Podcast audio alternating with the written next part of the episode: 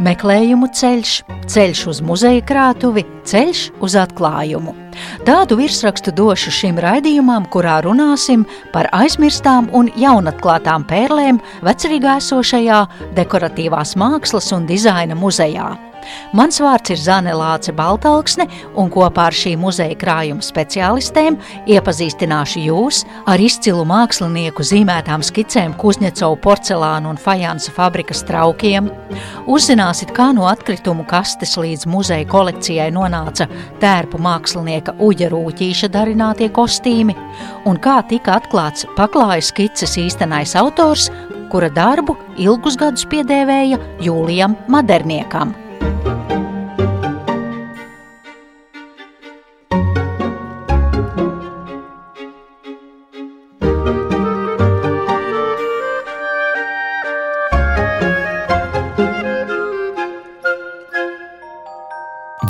Lietas, muzeju krātuvēs.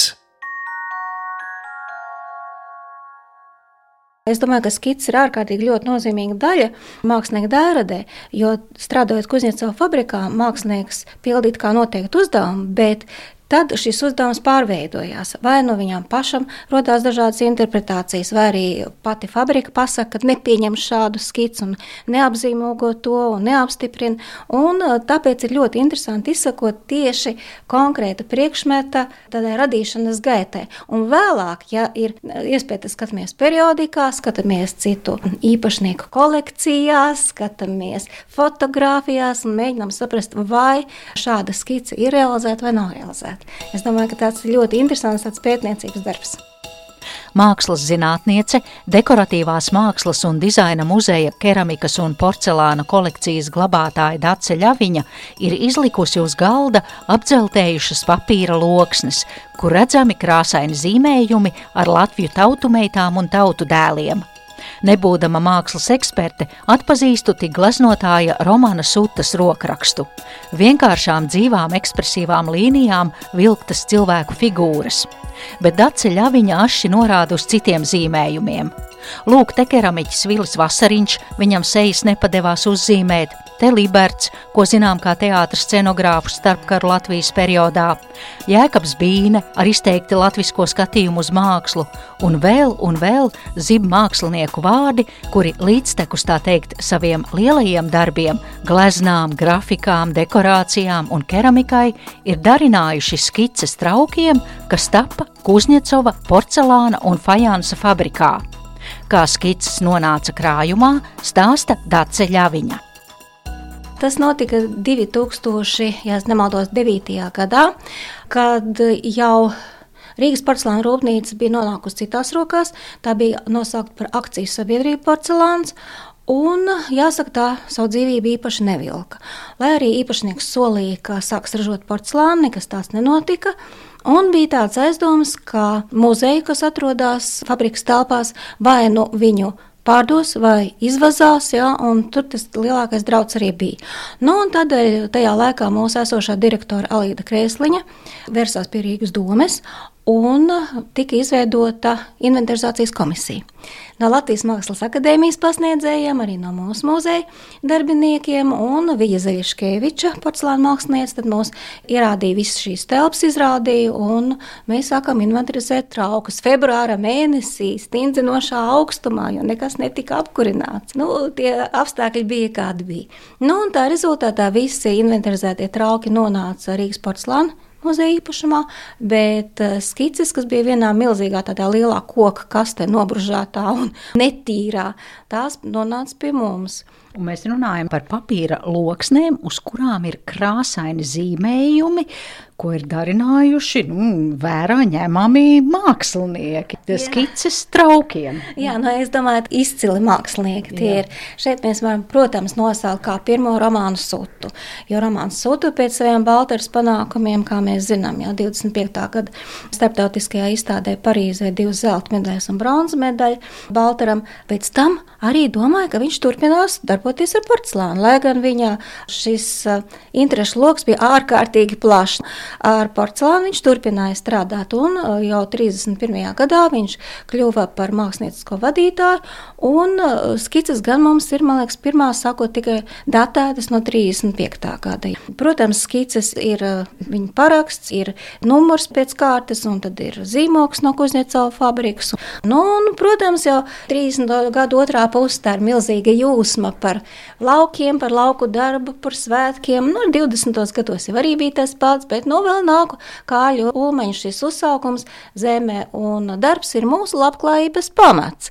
Un tā rezultātā tas ļoti atspoguļojās īpaši jau Sutas dairadē, nu, protams, ne tikai darbs, bet ir arī svētki, jā, un interesanti jau arī ir tas, ka viņš ir ne tikai latviešu tautas svētkus un darbu parādījis, bet viņš dīvainā kārtā mēs atrodam arī skices, kas ir veltītas gan Igaunijai, kas būtu kā pasūtījums, gan Polijai kā pasūtījums, gan Lietuvai. Nu, un arī izrādās, ka ir tādas skices, kas ir kā lielākoties Ukrainai veltīta, bet nezinu, kāpēc tur ir arī meksikānas redzams. Ja, jā, jo, ja es nezinātu, kas tas ir, pirmā doma ir paskatīt tā pavirši uzmetot skatu, es teiktu, tā, tā ir skice padomju laiki tautu draudzībai veltīta kāda servīze. Jo es skatos uz krāsainiem zīmējumiem, kur vienā stūrī ir eh, ar lielu gaišu sombrero kāds eh, meksikāņu laukstrādnieks, varbūt tā tāda stilizēta, vai es nezinu, vai kukurūza vai kaut kas sēj uz lauka, tad tie būtu ukraiņi. Nu, izskatās pēc ukraiņiem, jā. Jā, meitene to. Vainagiem. Jā, jā, un tām vainaga lentām puisis viņu apķērs, puisis krūka rokā, un viņš, viņš no tās sajūsmas, ka viņš to meiteni ir apķērs, viņam no krūks līs tur šķidrums laukā. Un arī krāsa ļoti neraksturīgas, jo parasti viņam ir, nu, latviešu tēmām viņam ir, ir sarkanā krāsa un daudz tur dzeltenās krāsas, un, un ir visādi tur stilizētie tur zirdziņi un ziltiņas, un, un te jau, protams, nekas tāds zils, rozā zils, un tāds rozā, zaļš. Nu, lūk, otrs vēl ļoti ražīgs mākslinieks, protams, ir Vils Vasariņš. Un no Viļa Vasariņa mums ir jāatzīmē divi pasūtījumi darbi. Obligāti viens ir ģenerālim Jānim Balodim veltītā servīze. Kuģniecības muzejā atrodas reāli. Esot bijuši 240 priekšmeti. Tas ir dāvināts uh, šim ģenerālim Rīgas pilsētas dāvinājums. Un otrs servīzes ir veltījums Latvijas Zemes bankai. Un tā atrodas Rīgas porcelāna muzejā, bet pie mums ir skices. Jā, un te arī var redzēt, jā, kā šīs skices ir mainījušās, kādas ir bijušas noraidītas, kur ir krusts pāri, jā, un kur ir atkal reāli kā, kā pieņemtās skices. Un vasariņam tāpat arī interesē visi lauku darbi un svētki un, un precības un, un sēdošas meitenes upju krastos, kas māja tur ar lakatiņiem laiviniekiem. Jā, nu, lūk, un tad šobrīd es skatos uz Vīļa vasariņa ģurnālu.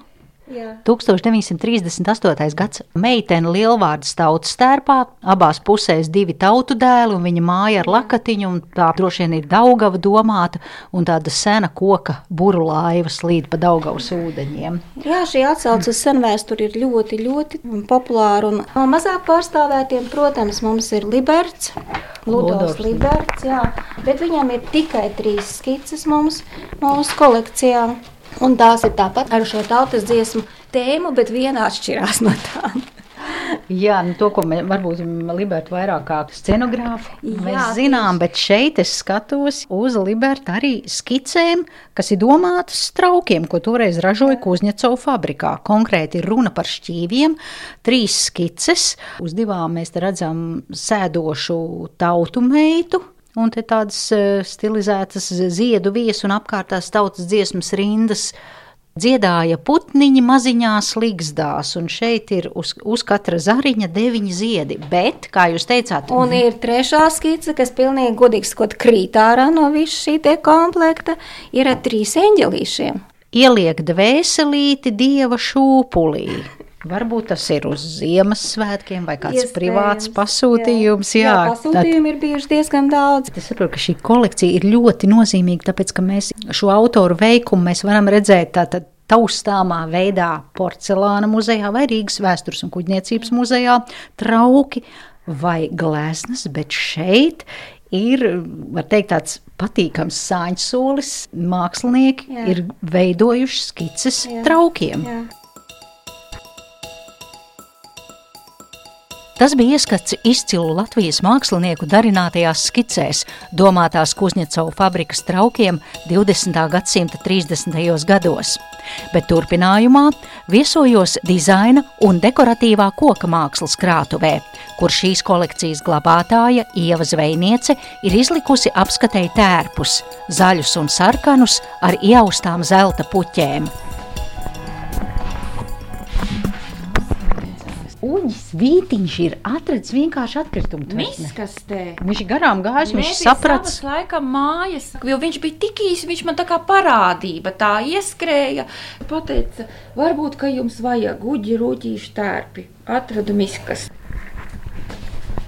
Un tāds nu, viņš ir Tādiem- nenormāli irstošs, vai ne? Un tā ir aste tam tērpam. Sarkans brokāts ar tādām eksotiskām austrumu puķēm. A, tās ir bi bikses ar asti. Asti jā. Jā. Nē, nu, ja mēs iedomājamies operu turandota, teiksim, tērpus, jā, tad te var skatīties uz tādu futuristisku turandotu, zināmā mērā. Jā. E, Audumi ir no Rīgas ā, auduma. Tie ir mūsu, mūsu ražoti audumi. Nevaru pastāstīt tādu spilgtu stāstu. Tā sazvanīts pa telefonu man teica mūziķis, grupas dzeltenie pasniegi dalībnieks Uģis Vītiņš. Daudz ko neatceros.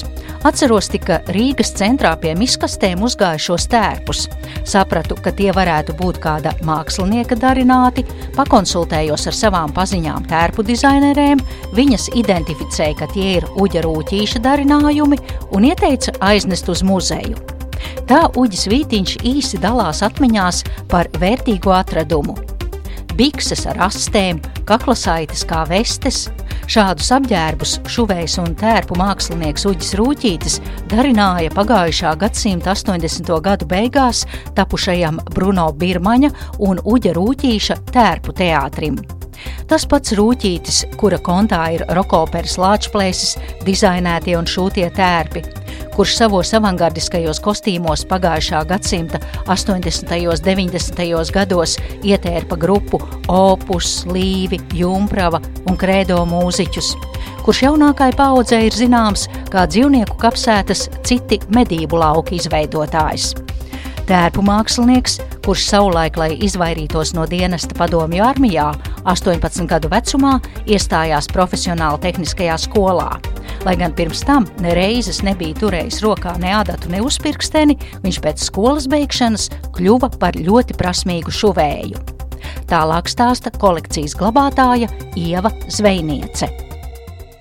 Un jau pēc uh, dažiem gadiem, kā saka, šuva džinsenes aizvērtām acīm un uh, nokļuva kā drēbnieks Rīgas modēs, kā ļoti labs šuvējs.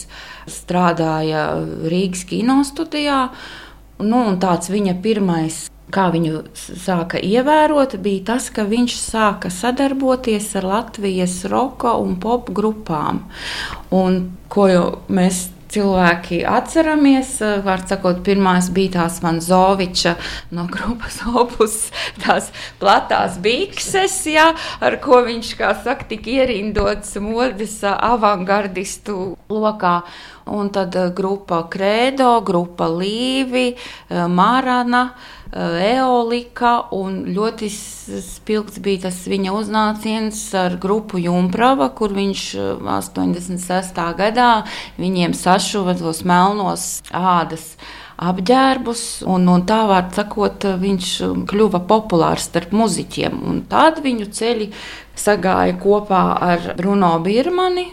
Uģi paņēma, ar viņš bija dūls un neordinārs un, un tādām idejām. Un, var sakot, bija tas, ka viņi, var teikt, ka pirmo reizi Rīgas modes telpā viņi pacēla modi. Nevis kā tikai valkājumu, bet es varētu teikt, kā mākslu. Un tas ir tieši tas, ko mūsu muzejs kolekcionē. Arī mums ir nedaudz apģērba, nav daudz, kas ir nevis ikdienišķi valkājami, bet kas jau ir drusciņā augstāk, kā tāda konceptuāla, kā tāda modes lieta. Un tādēļ arī šie tērpi mūsu kolekcijā ļoti labi iedarās. Bet nu atgriežamies atpakaļ pie mūziķa Uģa Vītiņa nestā maisa un tērpu teātra kostīmiem. Tā nu es paliku ar to maisu, izcēlu ārā. Nu, protams, sāku pētīt un, un interesēties par to visu. Jā, un es atradu, ka šie tērpi ir no 90. gada sākumā Uģa Rūķīša un Bruno Birmaņa dibinātā tērpu teātra. Un konkrēti no pirmās viņu izrādes postbanālisma balva 1989. gadā. Un tad arī meklēju cilvēkus, kas kaut ko varētu zināt par to. Man bija tāda laime, kad es atradu frizieri, kas viņiem tajā laikā visām modes skatēm, tiem modeļiem veidoja frizūras. Un tad caur viņu dabūju vēl dažādas bildes. Un tā kā nu, tas ir pilnīgi noteikti, tie tērpi ir no tā laika. Frizūras tērpu teātra modeļiem tolaik veidoja Agrita Grosbarte, tagad zināma kā friziere, stiliste, pārmaiņu trenere. Viņa arī neskaitāmu skaistuma konkursu dalībnieku frizētāja. Dodos ciemos pie Agritas Grospartes un šķirstu fotogrāfijas no tiem laikiem, kad Birmaņa un Rūķīšu tērpu teātris uzstājās gan Latvijā, gan brauc ar viesizrādēm uz bijušās Padomju Savienības republikām. Nu, brīnišķīgi augi rūķīšu tērpi. Vestas puišiem. Un, vesta kopā ar šlipsi. Jeb tieši otrādi - laikam šlipsi kopā, kopā ar vesti. Es domāju, ka tas tāds zīda lakats. Nē, tas pa virsu, bet à. ir šlipsi kopā ar vesti. Un uģis rekur ir pie galda. Nu, tad, mm -hmm. Tas arī viesizrāžu laikā kādā restorānā vai ēdnīcā, kur mēs te esam. Jūs pati toreiz fotografējāt? Jā, Jā es pat fotografēju. Mm. Es esmu priecīga, ka es pat fotografēju, jo es nezinu, tad, nu, ja nebūtu oficiāls fotogrāfs, un bieži vien viņš nebija mums līdzi, tad eh, būtu maz to bilžu. Tikai nu, tādās oficiālās pirmizrādēs bija fotogrāfs un vēl, bet tā ikdienas dzīvi es dokumentēju. Radošas, labas, radošas cilvēku kompānijā foršas atmiņas par uģi rūķīti. Kādu jūs viņu atceraties, kas ir tie iespaidi, atmiņas? Mm, viņš vienmēr tā skatījās acīs tā dziļi. Un vienmēr tie mati plīvojošie. Viņš man saka, es vienmēr audzinu garus, es tik audzēju garus. Man īsti negriez. Un tad viņš brauc pie manis arī matus griezt. Viņš saka, nu tikai drusciņi, tikai drusciņi. Vairāk es viņu redzēju tikai tad, kad mums notika nu, izrādes, vai arī braucot. Viesizrādēs, jā, kad mēs dzīvojam katrs savā istabiņā, un tad jau to ikdienas dzīvi tik smalki es eh, tā nevaru izstāstīt. Vienkārši kaut kur ēdnīcā vai kaut kur viņš vienmēr bija ar humoru, vienmēr viņš kaut ko tādu pateica. Vienmēr bija kaut kas tāds radošs, neprognozējams. Vienreiz es atceros, viņš iegulās zārkā, jo tur bija tā izrāda tāda, un viņš kaut kur bija atradzis zārku, es nezinu kaut kur, un viņš teica, ka viņš sot nakšņojas tajā zārkā. No rīta viņš mums visiem stāstīja. Tā kā viņam bija tāda savdabīga domāšana, radoša mākslinieka domāšana, neprognozējama, bet vienmēr viņš bija laipns un saulains un smaidīgs, es nevarētu teikt, ka viņš bija tāds ļoti varbūt runīgs, bet patīkam bija tā atmosfēra un Man patīkami bija kontaktēties, jo tu jūti, ka tur tādu dižgaru esi kopā tādu smalku cilvēku, kurš var gan neparedzējams teikums pateikt, gan arī neparedzējams tērpus izveidot. Tā Agrita Grosbārte atceras uģi rūķīti, bet tagad atkal vārds dizaina kolekcijas glabātājai Ievai Zvejniecei bija pēc tam atnākusi tekstila restaurātora muzeja, un viņa apskatīja šos tērpus un teica, tiešām, ka viņi ir ļoti nu, profesionāli sašūti, lai arī tas audums man šķiet ir tas, kurš ļoti īrst un, un tā, bet viņš. Viņš bija arī ļoti labs šuvējs. Jā, un bija tāda 90. gados mākslas dienas, kur Pētera baznīcā viņš Nu, tā leģenda ir tāda, no 25 līdz 40 minūtēm viņš sašuva bikses. Tā bija tāda performance mākslas dienu ietvaros, kur viņš Pētera baznīcā tās bikses sašuva. Tā kā ir personība noteikti, par kuru ir vērts kaut ko zināt, un, un noteikti ieguldījums ir vērā ņemams. Ieva Zvainiece arī lūdz atsaukties citus bijušā tērpu teātra dalībniekus vai tos cilvēkus, kuriem vēl būtu saglabājušies uģa rūtīša darinātie tērpi. Jo, kā viņa teica, tad muzejs ir īstā vieta, kur saglabāt vērtības un veidot atmiņas par tām.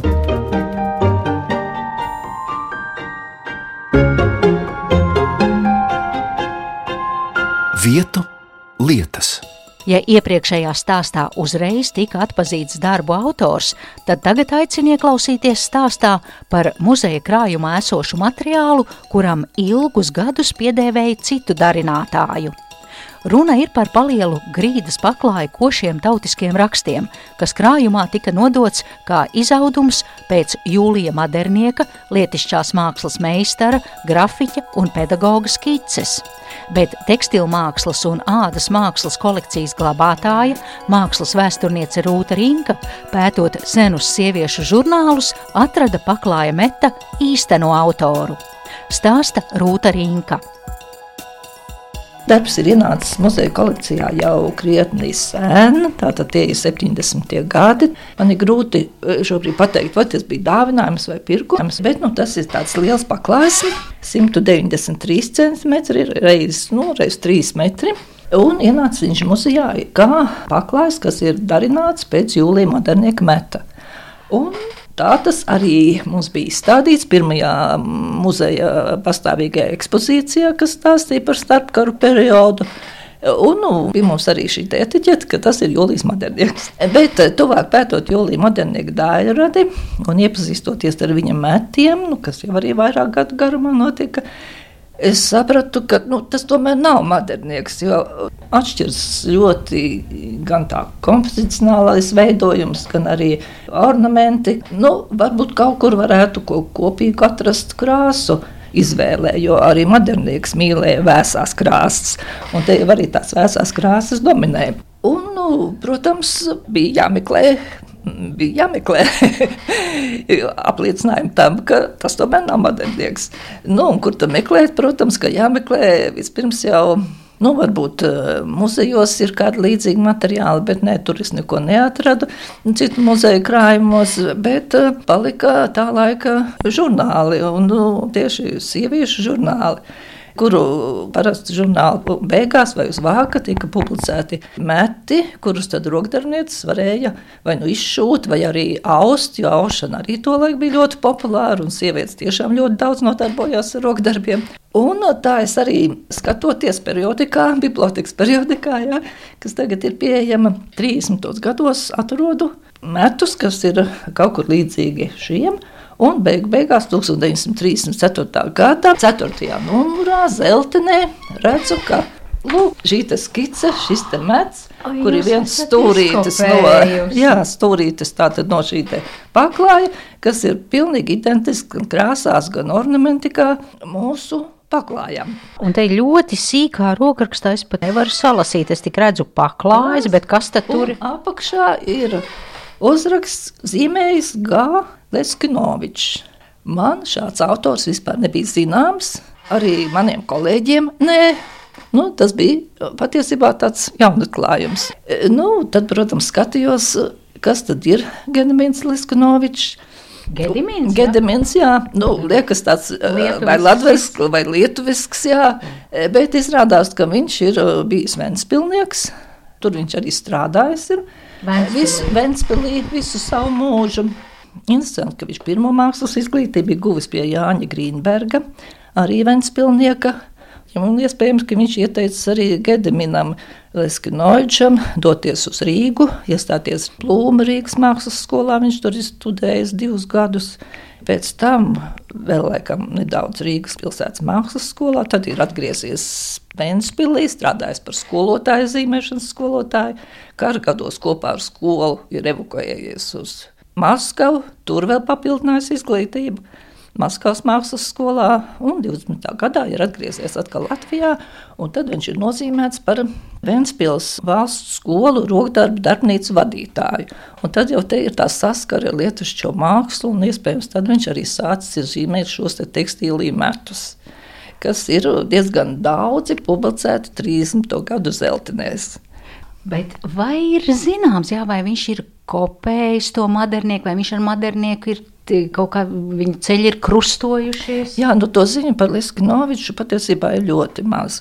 Šīs ziņas, nu, kuras es pastāstīju, tās ir apkopojusi Lemdota Junkara, tātad no nu, tās puses mākslinieks, mākslas vēsturnieks, gleznotāja pati, un vairāk arī nekas patiesībā par viņu nav zināms.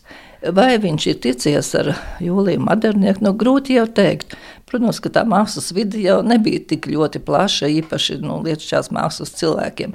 Iespējams, ka tā bija. Nu, katrā ziņā viņa darbus jau viņš noteikti bija redzējis. Un, Iespējams, arī mācījies, bet dabīgi, ka viņam ir tāda pašam sava radoša pieeja. Nu, atšķirīgi no Jūlija Madernieka, viņš varbūt daudz vairāk balstās uz tautas mākslu. Nu, protams, tā ornamentika jau ir daudz vienkāršāka. Ritmikā netik sarežģīta kā Maderniekam. Nu, katram savs rokraksts. Bet arī te vēl pētniecība nav beigusies, jo nav zināms, kas šo paklāju ir audis un kas ir bijis darba īpašnieks.